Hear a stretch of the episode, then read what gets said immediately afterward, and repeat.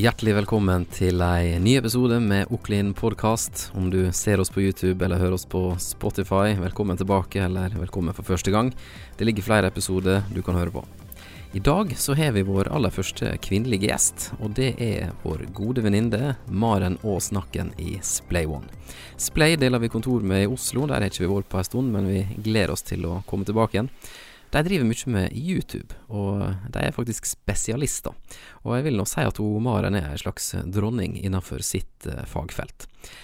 Men hva hun driver med nøyaktig, det skal hun få lov til å snakke om sjøl. Vi eh, kjenner henne fra Høgskolen i Volda, der vi studerte i lag, og ja, vi syns det er kult at vi har liksom fått eh, blitt med på hverandres reise ut i yrket vi driver med innenfor innholdsproduksjon. Men aller først, her er vår sponsor. Glovarm kaffe hadde dessverre ikke nok penger i budsjettet sitt til å lage egen reklame, så de eh, spurte fint om vi kunne lage litt eh, reklame for dem mot eh, eksponering. Så derfor så kommer det nå tre sekunder med ASMR av glovarm kaffe.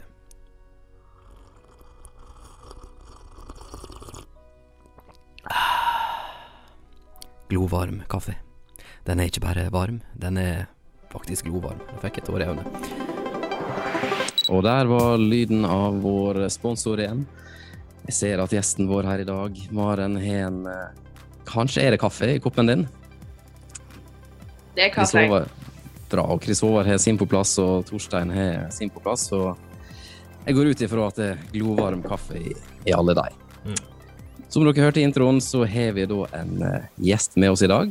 Uh, det er jo ei god venninne av oss fra uh, tida som student på Høgskolen uh, i Volda. Det er Maren Aas Nakken. hun jobber i Splay, det skal hun få si litt mer om sjøl. Men vi har da ei fortid som medstudenter og litt ganske gode venner i ettertid. og du er også veldig flink til å lage mat. Det føler jeg er riktig å, å skryte om i dag. For jeg og Chris Håvard var på nordiske mediedager forrige gang det kunne bli, ja. bli arrangert. Og da inviterte du på taco. Eh, og det var ikke Santa Maria-taco, for å si det sånn. Det var eh, håndverksarbeid som du skulle tro du hadde fått eh, flydd inn fra ja, en gard i Mexico. Så eh, hvis en vil ha mattips, så bør en følge deg på Instagram, da. Det vil jeg si. Det, ja, det. Ja. Så i dag skal vi snakke litt om uh, influensere og uh, YouTube. Uh, vi deler jo kontor med Maren også i uh, Oslo. Der har ikke vi vært på en stund, men jeg regner med at vi dukker opp igjen der snart, når vi ikke klarer mer heimekontor. Vi gleder oss veldig til å komme tilbake, Maren. Ja, virkelig. Altså, det er så tomt her. Og det, det, er så underlig. Så det, den dagen vi endelig kan åpne kontoret igjen og dere kan komme på plass igjen, det blir det gleder vi oss til. Det gleder vi oss til. Og uh, Vil du si litt om uh, hva som skjer eh, med deg, i Maren, og med Play om dagen? Ja, jeg kan gjøre det. Nå sitter jeg faktisk på kontoret, og det har jeg ikke gjort på Jeg tok en, en liten uh, tur til Bergen. Jeg tenkte jeg skulle ta hjemmekontor fra Bergen en uke i oktober. Men Da begynte de å stenge ned, og der har jeg vært siden. Så jeg kom faktisk Jeg gikk inn dørene på kontoret i går og det første som slo meg, var liksom Shit, plantene våre. Så de ja. der plantene dere husker på kontoret, de er nå så knusktørr og brun. Og til og med vi har en sånn kjempestor kaktus. Den henger liksom ned. Den er bare gått helt platt. Så bortsett fra det, så er det fortsatt tomt her, altså. Det er jo hjemmekontorsituasjonen. Som er underlig for Splay, fordi som dere kjenner oss, vi er jo en veldig sosial, eh, aktiv gjeng som har bygd opp et kontor som skal være community-basert. Altså vi elsker å møte innholdsskapere som lager video på sin måte, eller har åpne dører til altså folk som er interessert i det samme som oss, eller har sittende folk som dere, som gjør på en måte det samme, men noe annet. Eh, og lære av hverandre, prate fag eh, dyrke lidenskapen video, um, det, det, har vært tøft, føler jeg, når vi ikke har fått lov til å sitte sammen. Uh, så det er jo fortsatt hjemmekontor, det vil jeg si. Um, Så vi teller litt dager nå. Jeg føler alle har de her strekene på veggen hjemme. og det begynner å tære litt på oss. Men ellers så går jo det veldig bra. Altså, ja. YouTube Folk sitter jo hjemme og ser på YouTube om dagen. Altså sånn 2020 eh, var YouTube-året, vil jeg si. Det har vært en sinnssykt vekst på norsk innhold. Det har kommet ja. flere innholdsskapere. Altså det er vekst i alle parametere. Eh, engasjementet på YouTube. Man ser at folk bruker mye mer tid. De engasjerer seg, de har mye mer dialog på sosiale medier. Og det er jo rett og slett fordi man har behov for det. Man sitter hjemme i sin stue, man trenger å bli underholdt. Man trenger å se noe man kan smile til, eller lære noe nytt, eller lage bananbrød som har gått viralt pga. pandemien. Det, er, det har vært et tøff tid, men også et ekstremt bra YouTube-periode. Som er veldig sånn underlig situasjon å sitte i. Ja. Ja, du nevner at en fin inspirasjon på YouTube. Eh, da passer det bra å bare hoppe litt til deg, eh, Torstein. Du har jo eh, dine faste spalter med å anbefale oss noe å følge for inspirasjon til oss som lager ting som skal både på YouTube og andre plasser. Så yep. hva har du i dag? I dagens følgefredag så skal vi se på nok en filmbransjerelevant konto. Og det er Filmmakers World på både YouTube og Insta. Eh, og i motsetning til forrige ukes konto, som var mer meme-basert, så er den her litt mer behind the scenes, eh, fra unike opptak, utstyrsrigge, utstyrstesting og den slags. Eh, de har veldig stor følgebase på Insta, men foreløpig ganske liten på YouTube, så der kan du faktisk være ganske tidlig ute og abonnere. Oi. Så det var altså Filmmakers World på YouTube og Insta. Thank you. Og Håvard, har du en dings i dag? Jeg har alltid en dings på lur. Du har alltid en dings. Alltid en dings. Og denne gangen er det kanskje noe av det råeste som er laget. Eh, eller teknologien er noe av det råeste. Eh, dingsen heter LiveView. Eh, og de har mange modeller, men denne gangen er det LiveView Solo pluss. Bitte, bitte liten, eller ikke så liten, litt større enn en telefon, ganger fire kanskje. Som lar deg streame innhold, selvfølgelig streaming-relatert, men han lar deg sende fra hvor som helst fordi at han sender over 4G. Eh, og det er helt rått. Eh, eh, du ser eh, de litt dyrere modellene eh, ser du i bruk hver eneste dag uten å vite det på, på norske nyhetsmedier. VGTV har ganske mange. NRK har ganske mange. Eh, så det, så det, er kult. Men den slår da sammen eh, flere SIM-kort og lar deg sende trygt og stabilt fra hvor enn du måtte være, så lenge det er mobildekning, da. Så, eh, og som jeg liker å si, selv om, treg, nei, selv om Edge er dritt, så blir i hvert fall fire ganger Edge litt bedre. Så du kommer alltid live. Perfekt. Det var ukens dings. Det, den ukens dings kunne jo vært YouTube-materiale der du var litt uh, geek etterpå dingsene dine, Chris Eller Hva du sier til det, mannen? Jeg synes det er helt Altså, nå er jo Håvard min dingsemann. Altså, det er flere situasjoner hvor vi har sittet i et eller annet og bare faen, jeg, jeg, vet hva jeg vil ha, men jeg vet ikke om det eksisterer. Da pleier jeg å ringe Håvard, og da har han alltid en dings. Bra. Det er veldig Jeg endte jo faktisk opp med å skaffe en dings som jeg har fremsnakket før. Denne video capture-kortet. Oi. Ja, ja, nemlig. Fordi vi hadde Vi pleier å ha liksom en årlig Gulltuben Award, som er liksom Splay sin interne YouTube-prisutdeling. Og det er en ganske sånn stor um, greie for youtuberne som de gleder seg til hvert år. Og den pleier jo selvfølgelig da å være fysisk.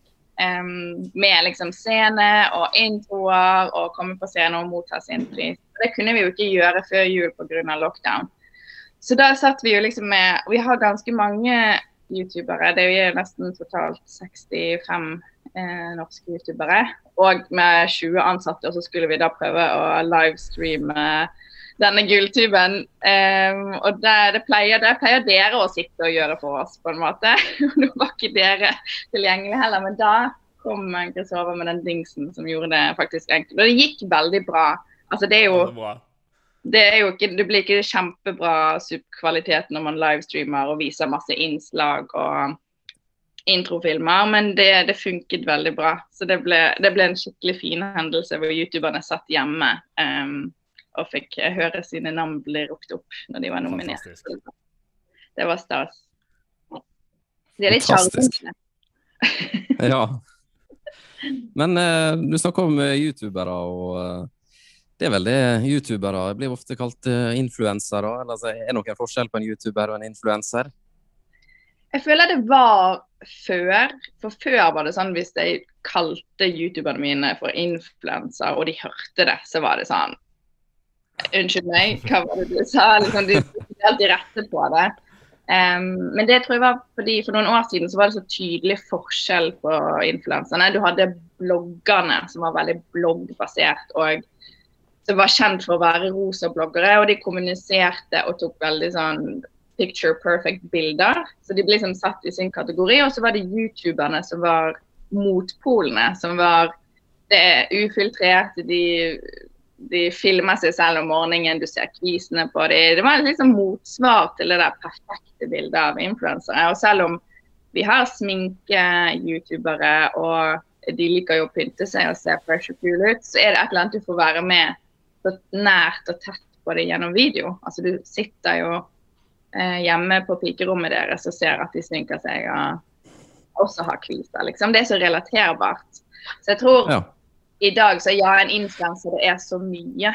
Jeg tenker sånn Influenser-begrepet er jo paraplyen. Altså Dere er jo influensere på mange måter. Um, vi har vi har Idrettsstjerner er jo influensere, politikere er også influensere.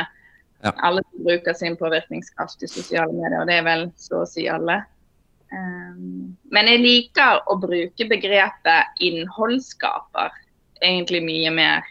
Fordi um, det de er, eller de vi jobber med, er opptatt av, er jo rett og slett liksom, historiefortelling, eh, videofortelling, altså sånn produksjon av video. Um, så det er bare de som jobber med video som vi jobber med. Selv om at youtuberne våre er jo på Instagram og Snapchat og alle kanaler. Mm. Så er det videoprodusenter vi skal jobbe med. Men uh, din rolle her, da. Eh, er du liksom uh, Passer du på deg, eller hva, hva er ditt forhold til dine youtubere? Altså, noen ganger så føler jeg meg som liksom verdens største storesøster. Altså sånn ja. virkelig altså, sånn. Og jeg prøver veldig hardt å ikke gå inn i en sånn morsrolle. Um, for det, det, blir feil, for dette er proft og dette er business. Og det er viktig at alle innholdsskapere forstår at dette er jobben deres.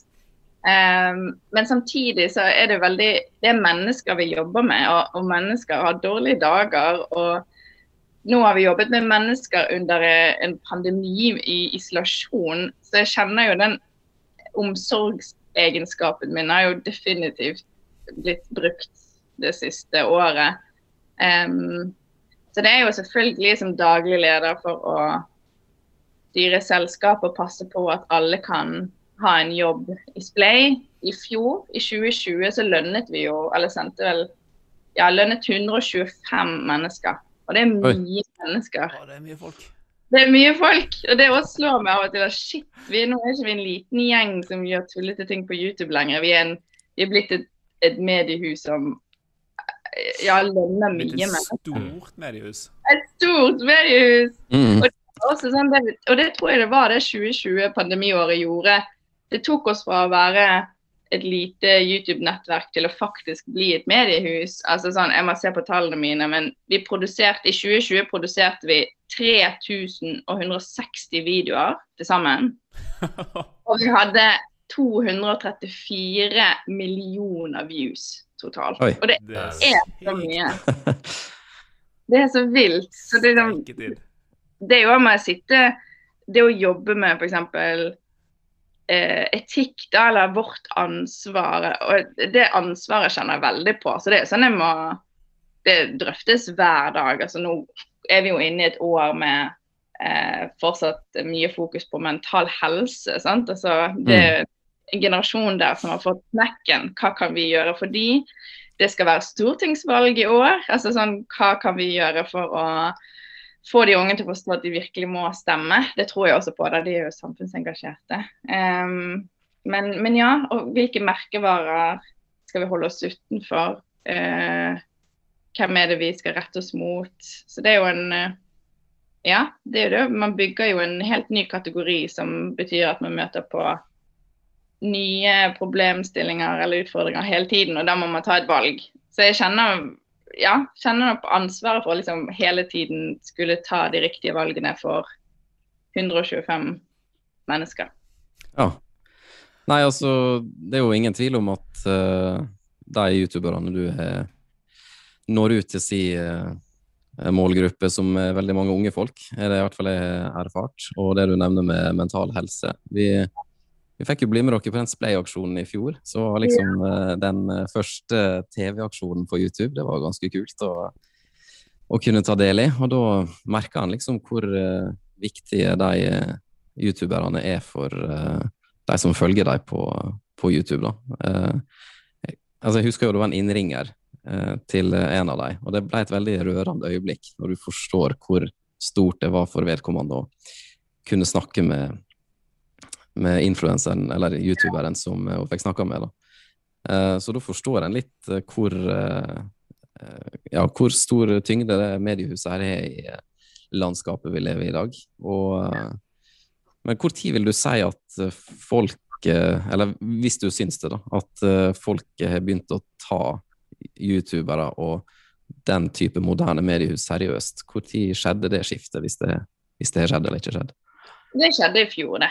Det mm. skjedde mm. under en global krise. Tror, og det var noe med eh, Jeg tror man satt i en situasjon og skjønte shit pommes frites, vi, vi må ut med et veldig viktig budskap til veldig mange unge. Og det var skikkelig Det måtte skje raskt og fort, og det var ekstremt viktig. Um, og da var jo vi i kontakt med liksom Helsedirektoratet og egentlig myndighetene. Og herregud sendte jo mails til statsministerens kontor og bare sånn Dere må jo ha pressekonferanse på YouTube. Hallo, liksom. Her vi har og det var, det var, virkelig sånn mail jeg sendte til alt og alle hvor liksom sånn Vi har distribusjonskraften, bare dere må skjønne at det er her vi når ut til. Og det gjorde de. Um, og jeg synes der vil jeg virkelig hylle sånn som Helsedirektoratet. Sånn, de skjønte at hvis de skulle nå ut til bredt til ungdommen, så måtte de eh, jobbe med et mediehus som oss. Altså De skjønte at det var helt spesielt. Og så så vi også det i de andre landene. Jeg synes jeg vil jo gjerne Jeg er imponert over hvor fort Danmark var. Jeg tror det var omtrent andre uken inn i pandemien og lockdown. Da hadde den danske statsministeren egne pressekonferanser hvor hun besøkte youtubernes kanaler og fikk liksom, de lånte vekk kanalene sine til statsministeren. Og det, det syns jeg var det er skikkelig kult. Det viser at du også har tillit til den generasjonen. Der, som er, så det er definitivt. Og så ser man at vi jobbet mye mer med organisasjoner i fjor enn kommersielt. Altså Vi er jo mm. et kommersielt hus som jobber med de store merkevarene. Men, men også at kommunikasjon det ble mindre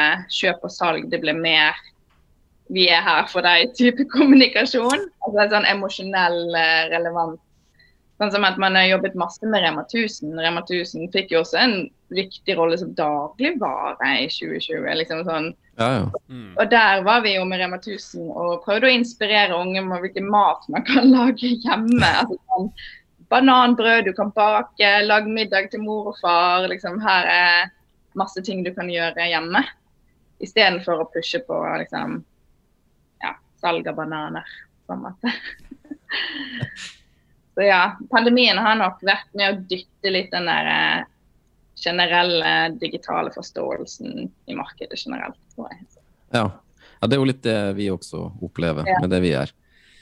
At uh, plutselig så er det et veldig sterkt behov for uh, ei tjeneste en kanskje ikke har Kanskje farlig å påstå at en ikke har tatt det seriøst, men uh, jeg tror mange har fått øynene opp for uh, ting som skjer på, uh, på nettet og på, og på, YouTube.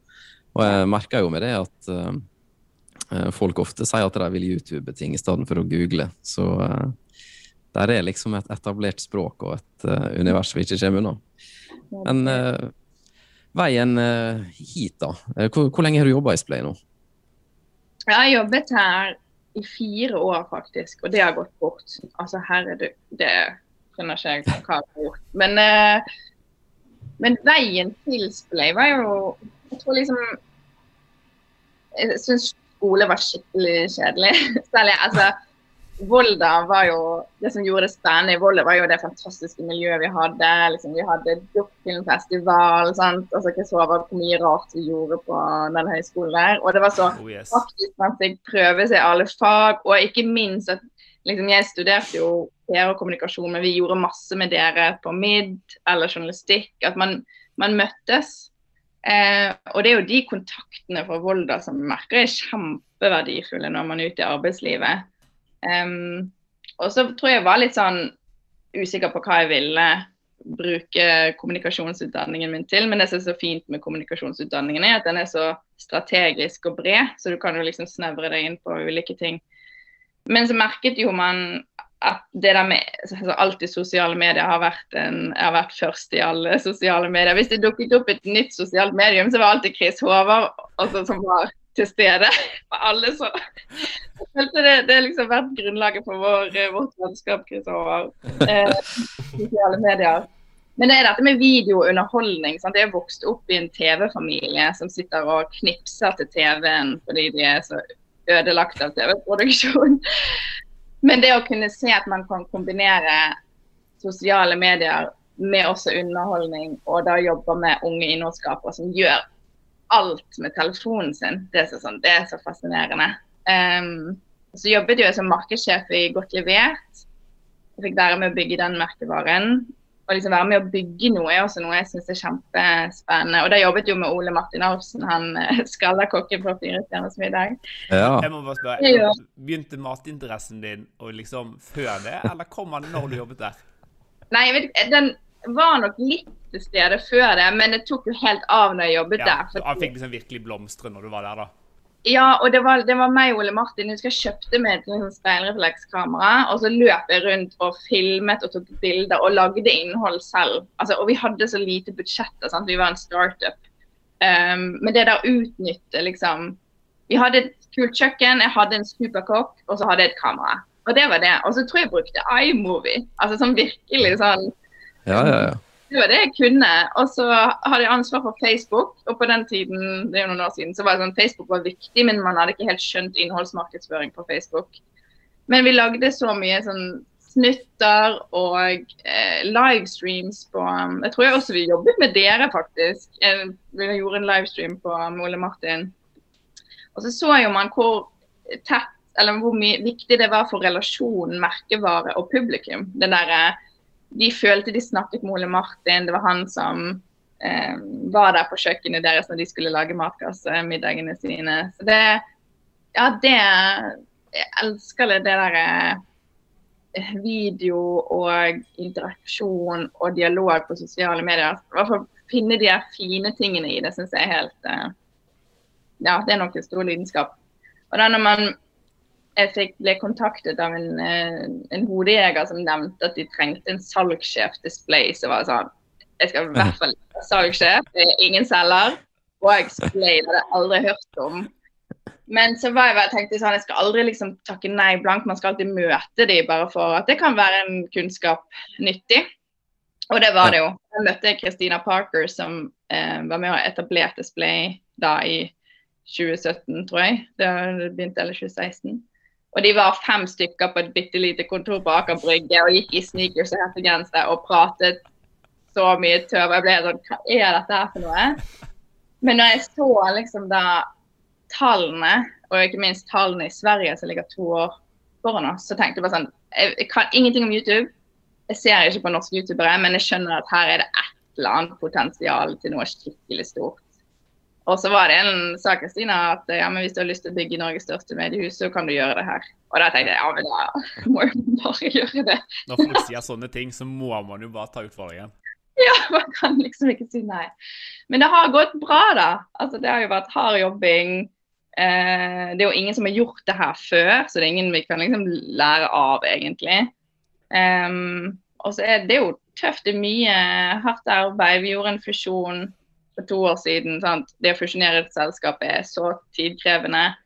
Um, ansette og utvikle mennesker. Det tar mye tid og krefter. Og ikke minst bygge liksom, stolthet til merkevaren. Det, Mm. det er noe vi alltid må Vi kan ikke ta det for gitt. Vi kan ikke bare tenke at ja, men vi er kule. Vi må alltid jobbe med vår egen merkevare for å få ansatte, for å få innholdsskapere og for å være best. da. Mm. Så- Men ja, det er fortsatt et Fantastisk. stykke.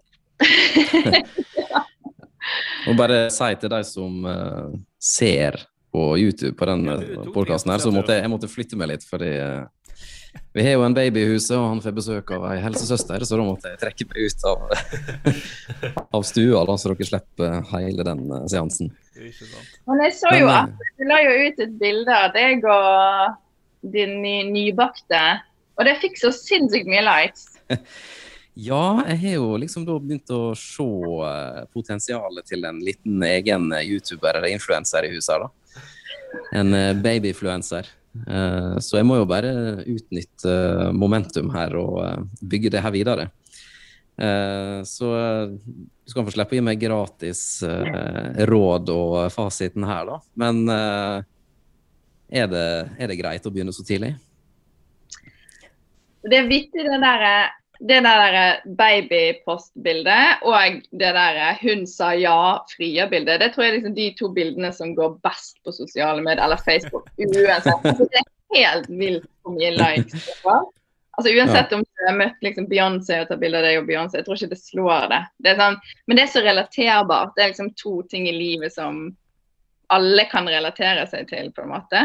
Ja. Um, men jeg ville jo hvis du skal bygge videre på dette, Atle, som hadde vært spennende å utfordre deg på, så tror jeg jo En er veldig skeptisk til liksom, å bygge eh, underholdningskonseptet ut fra det stakkars barnet. Altså det barnet skal få baby, og ikke bli eh, superflau når han blir voksen og ser hva pappa har lagt ut av seg selv. Um, og spesielt eh, definitivt ikke gjør så mye kommersielt Uh, Nei.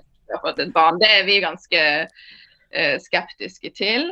Eh, at liksom, og Det ser vi jo veldig mange bloggere gjør, at de liksom de henter sponsorater pga. babyen. Ja, og, de det er, det fordi det er verdt, liksom. ja, og det er mye penger der. Men jeg syns det er et eller annet sånn, Da blir babyen din et prod salgsprodukt mer enn enn et menneske. Ja, Ja, det er best å ikke havne i den her sharenting-fella. Ja. Men det som funker bra på YouTube, altså det er jo at det skal være relaterbart. Sant? Og det er ingenting er mer relaterbart enn å se en sliten pappa med gulp på genseren sin og, og trøtt i trynet. Så sånn, det å kunne lage en, liksom, en, en pappa, nybakt pappakanal hvor man følger deg, Atle, mer enn liksom babyen, det, det lukter jeg suksess av. Det, det oi, oi. ja, men det, den vil jo møte en både i eh, oppturer og nedturer, da, rent eh, emosjonelt. Det kan jo bli lite søvn, og da kan det skje mye gøy på, på kamera. Det kan jo si mye rart. Nei, men jeg skal, jeg skal tenke litt på det. Vi eh, jeg har jo filma litt der, da, så jeg har jo litt sånn materiale så jeg har tenkt å leke litt med nå framover, uten å eksponere han noe særlig. Så det går, går mer utover meg enn en han, for å si det sånn. Så det Jeg kan komme med et lite tips. Jeg digger han, hva heter han, Thomas Engeseth på Instagram. Han har akkurat fått ja. barn, og han legger en sånn um, baby-emoji på hodet til babyen hele mm. tiden. Slik at du på en måte sensurerer babyen, men du får virkelig være med og føle på en, hva han, han finner på så mye rart med barnet sitt. og virkelig aktiv ute. Så det, han, eh, han er en god inspirasjon hvis du vil eh, bli inspirert. Ja, Han følger jeg faktisk, så eh, helt enig. Eh, før eh, så er tida går nå ganske fort, men eh, med god prat så har ikke vi dårlig tid, bruker vi å si. Eh, hva vil du si har vært eh, altså Hvis det var noen sånn vanskelige opplevelser, da, i, eh, kanskje i det, med det å jobbe med Splay og, og YouTuber, er det noen, er noen opplevelser du vil si kanskje har gjort at du mista litt trua, men så har det snudd igjen? eh, opp igjennom? Veldig ofte. Jeg tror jeg har i hvert fall en, en knekk eh, en gang i måneden. Det sånn, ikke. men, eh, men jeg tror det handler jo om at liksom vår eh, Kall det produkthylle. Da. Det er ikke bare noen sånn generiske produkter du kjøper og trykker play på, og så funker det. Det, det er mennesker. Og det er liksom du skal please og ta, ivareta altså youtuberen på en god måte. Eh, og så skal du ivareta publikummet. altså sånn Det du lager og det som blir, kommer ut må være godt. Og så er jo det en kunde ofte som har betalt for dette.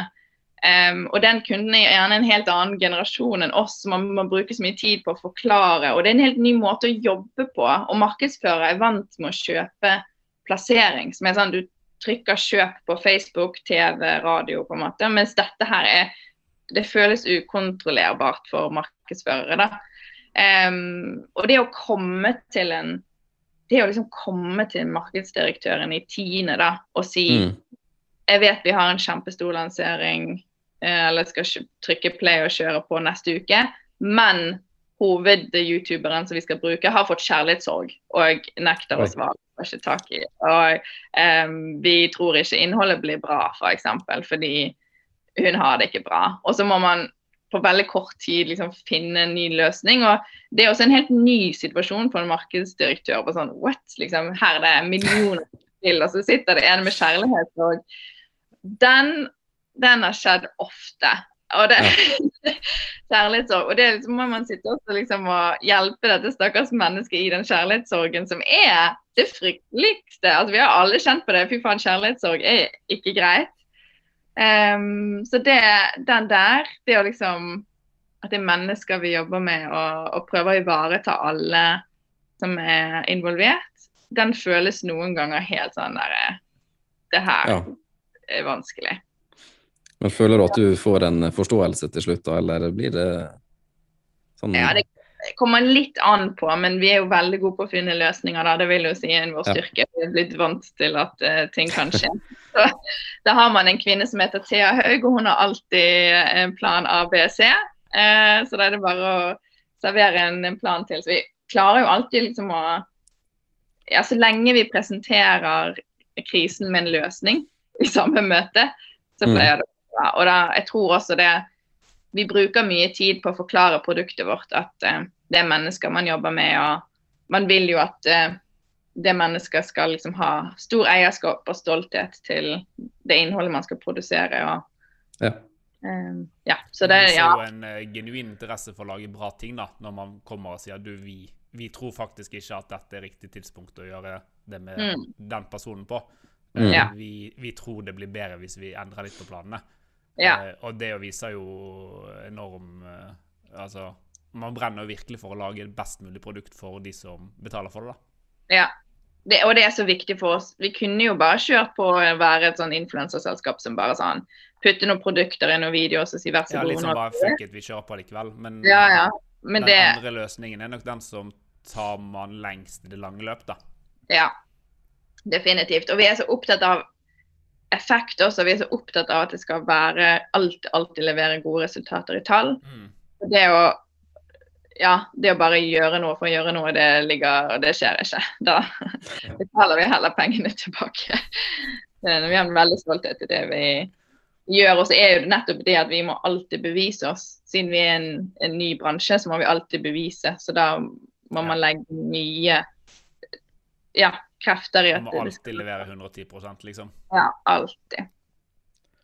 hvis du skal ja, hvis, hvis, du skal se litt i uh, 2021, uh, spåkula, hva er det som uh, skjer nå, og hva du tror blir liksom årets uh, Altså, er det, vil det fortsette å utvikle seg fort, eller har en liksom funnet en uh, funnet et stadie en legger seg på når det gjelder innholdsproduksjon?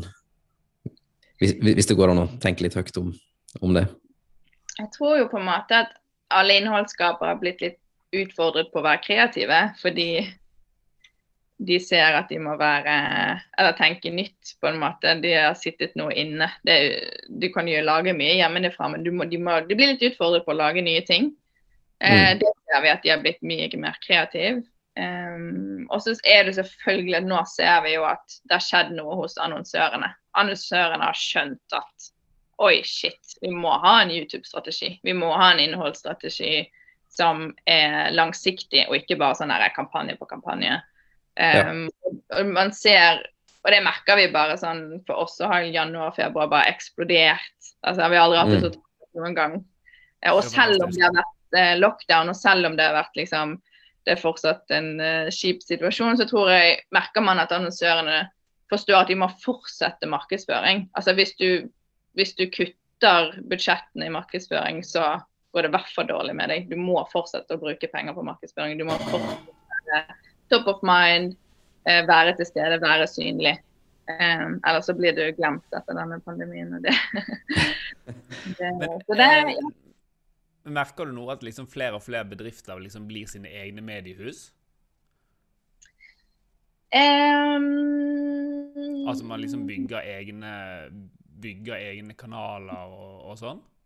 Jeg merker at de Ja, men det gjør vi. Og så merker vi at de har behov for å øke kunnskapen sin internt også. Noen eh, ansetter nye typer roller, liksom. Eh, det, i, For å jobbe mer målrettet mot Ja. sånne ting? Ja. Ja, du ser liksom ute sånne stillinger som ligger ute. Sånn der, jeg så til og med, jeg tror det var en organisasjon som eh, utlyste en eh, innholdsskaper slash YouTuber. Altså sånn, Oi. De vil ha en til å jobbe hos seg fordi man kan det. Så de, jeg merker at eh, de henter liksom kunnskap, eller at de kommer til oss for å lære. Så de er mer åpne for å lære. De skjønner at shit, dette må vi kunne.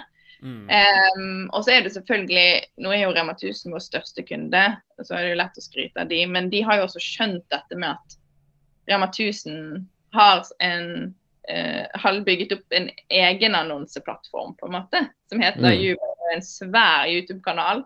Eh, hvor, og Rema 1000 er jo en egen altså, dagligvarekategori som har mange leverandører. Så plutselig kan det bli eh, veldig interessant for sine leverandører igjen, for å være til stede på den. Og den syns jeg er veldig kul. Det mener jeg oppriktig er innovasjon. En, eh, og der mener jeg Rema 1000 har bevist at de har laget en egen annonseplattform for seg selv, som de eier, som er Rema 1000. Stemme visuelt, det er logo overalt, alle forstår at det er Rema 1000. Men det er så bra underholdning der at de liksom Det går greit for målgruppen. så det, de, de liker å hylle. Trekke fram som et eksempel. Fantastisk. Ja. Ja, det Vi må egentlig bare notere, vi nå, når vi hører på det her. For eh, vi har jo faktisk uh, bretta opp armene litt. Eh, vi snakka om det før jul, at eh, på nyåret, da skal vi også eh, Altså, vi har jo vært flinke å dele ting, men vi tenkte vi skulle være litt mer konsekvente, da. Eh, så nå eh, blir det i hvert fall YouTube-fokuset vårt eh, litt sånn ekstra, vil jeg tro. Vi, vi har litt sånn video, sånn vlogger da, fra produksjoner vi egentlig burde ha peist ut for lenge siden. Eh, men det er jo litt vanskelig å finne tid til å produsere ting for seg sjøl når vi har så mye å produsere for eh, alle andre. Men eh, vi er vel inne på noe nå, eh, karer, er ikke dere enig? At vi begynner å finne en Det Finne en flyt. Det nærmer seg noe. Ja, det er det. Ryktes at det kommer en kul video fra Trondheim snart, så stay tuned. Ja. Men uh, før vi runder av her vi, eh, Hvis jeg bare spør deg, Maren. Hva er, altså, en god YouTube-kanal, hva, hva, hva har den? Er det en fasit, eller er det superindividuelt?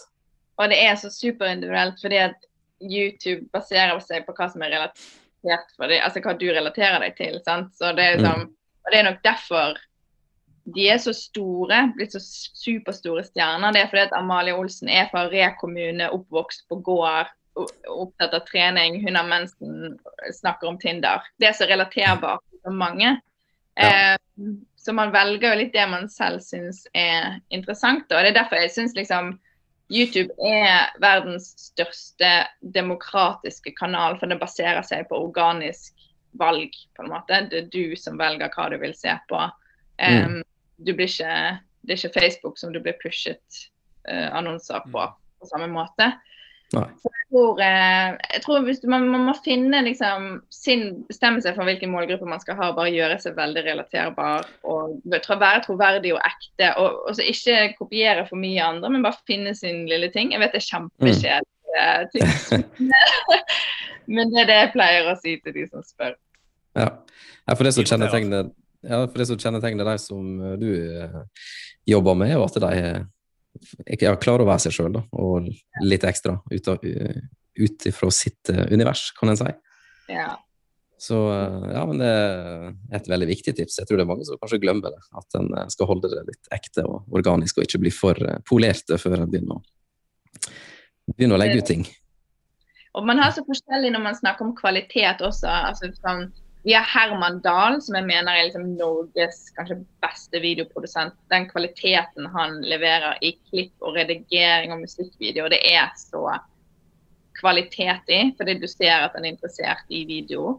Eh, og så har man f.eks. andre typer, sånn som Hanna Martine. Hun har, eh, hun har ikke en intro engang. Hun bare slår på kamera og preiker og prater. Og videoen hennes handler om at hun prater, men det funker så utrolig bra for hennes eh, målgruppe.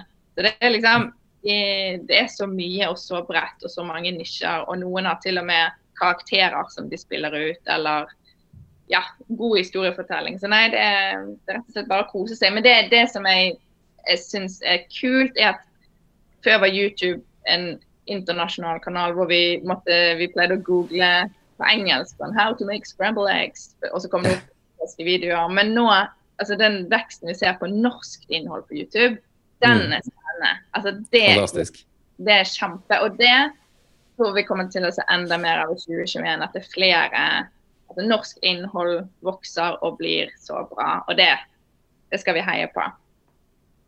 Det skal vi. Og Fantastisk. vi eh, gleder oss til å lage enda mer, både for andre og for oss sjøl. Og ja, vi gleder oss til å komme tilbake igjen på kontoret til deg. Og jeg gleder meg til å kunne fare ned til Oslo igjen og og treffe dere. Det er jo alltid, alltid kjekt. Eh, er det noe dere, eller noe du, Maren, har lyst til å legge til før vi eh, avslutter her, eller føler du at du har fått eh, Ja.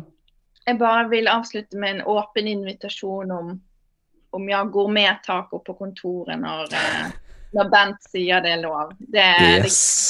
Det, Den uh, aksepterer jeg på vegne av oss alle. Det, Herlig. Uh, jeg, jo, jeg, bruker jo å framsnakke ting her, og i dag så fant vi ut at uh, vi rett og slett skal framsnakke folk som er flinke å kreditere bildebruk og videobruk. Uh, fordi vi har jo en opplevelse innimellom med at vi har bilder som blir brukt i andre sammenhenger der det står 'foto privat'. Det, men når det er ikke da journalister Vi slår et slag mot de som skriver 'foto privat', for ja. noen har jo tatt det bildet selv om det er privat. Ja. Det er litt dagens Helt riktig. invitasjon fra meg. Så da uh, har vi fått uh, nevnt det. Og så tusen hjertelig takk for at du tok deg tida til å prate med oss, uh, Maren. Takk for det. Det er jo ikke så mange episoder vi har laga, men det blir bare kjekkere og kjekkere. Og vi håper jo at vi kan invitere deg igjen seinere, for det du driver med blir jo i hvert fall ikke mindre relevant. Så uh, uansett uh, hvor du var og hva dag det er når du hørte det her, så takk for, takk for at du hørte på, og så uh, snakkes vi igjen enten i morgen eller neste uke, eller ja, når det måtte passe deg. Ha det godt. Ha det. Ha det. Ha det.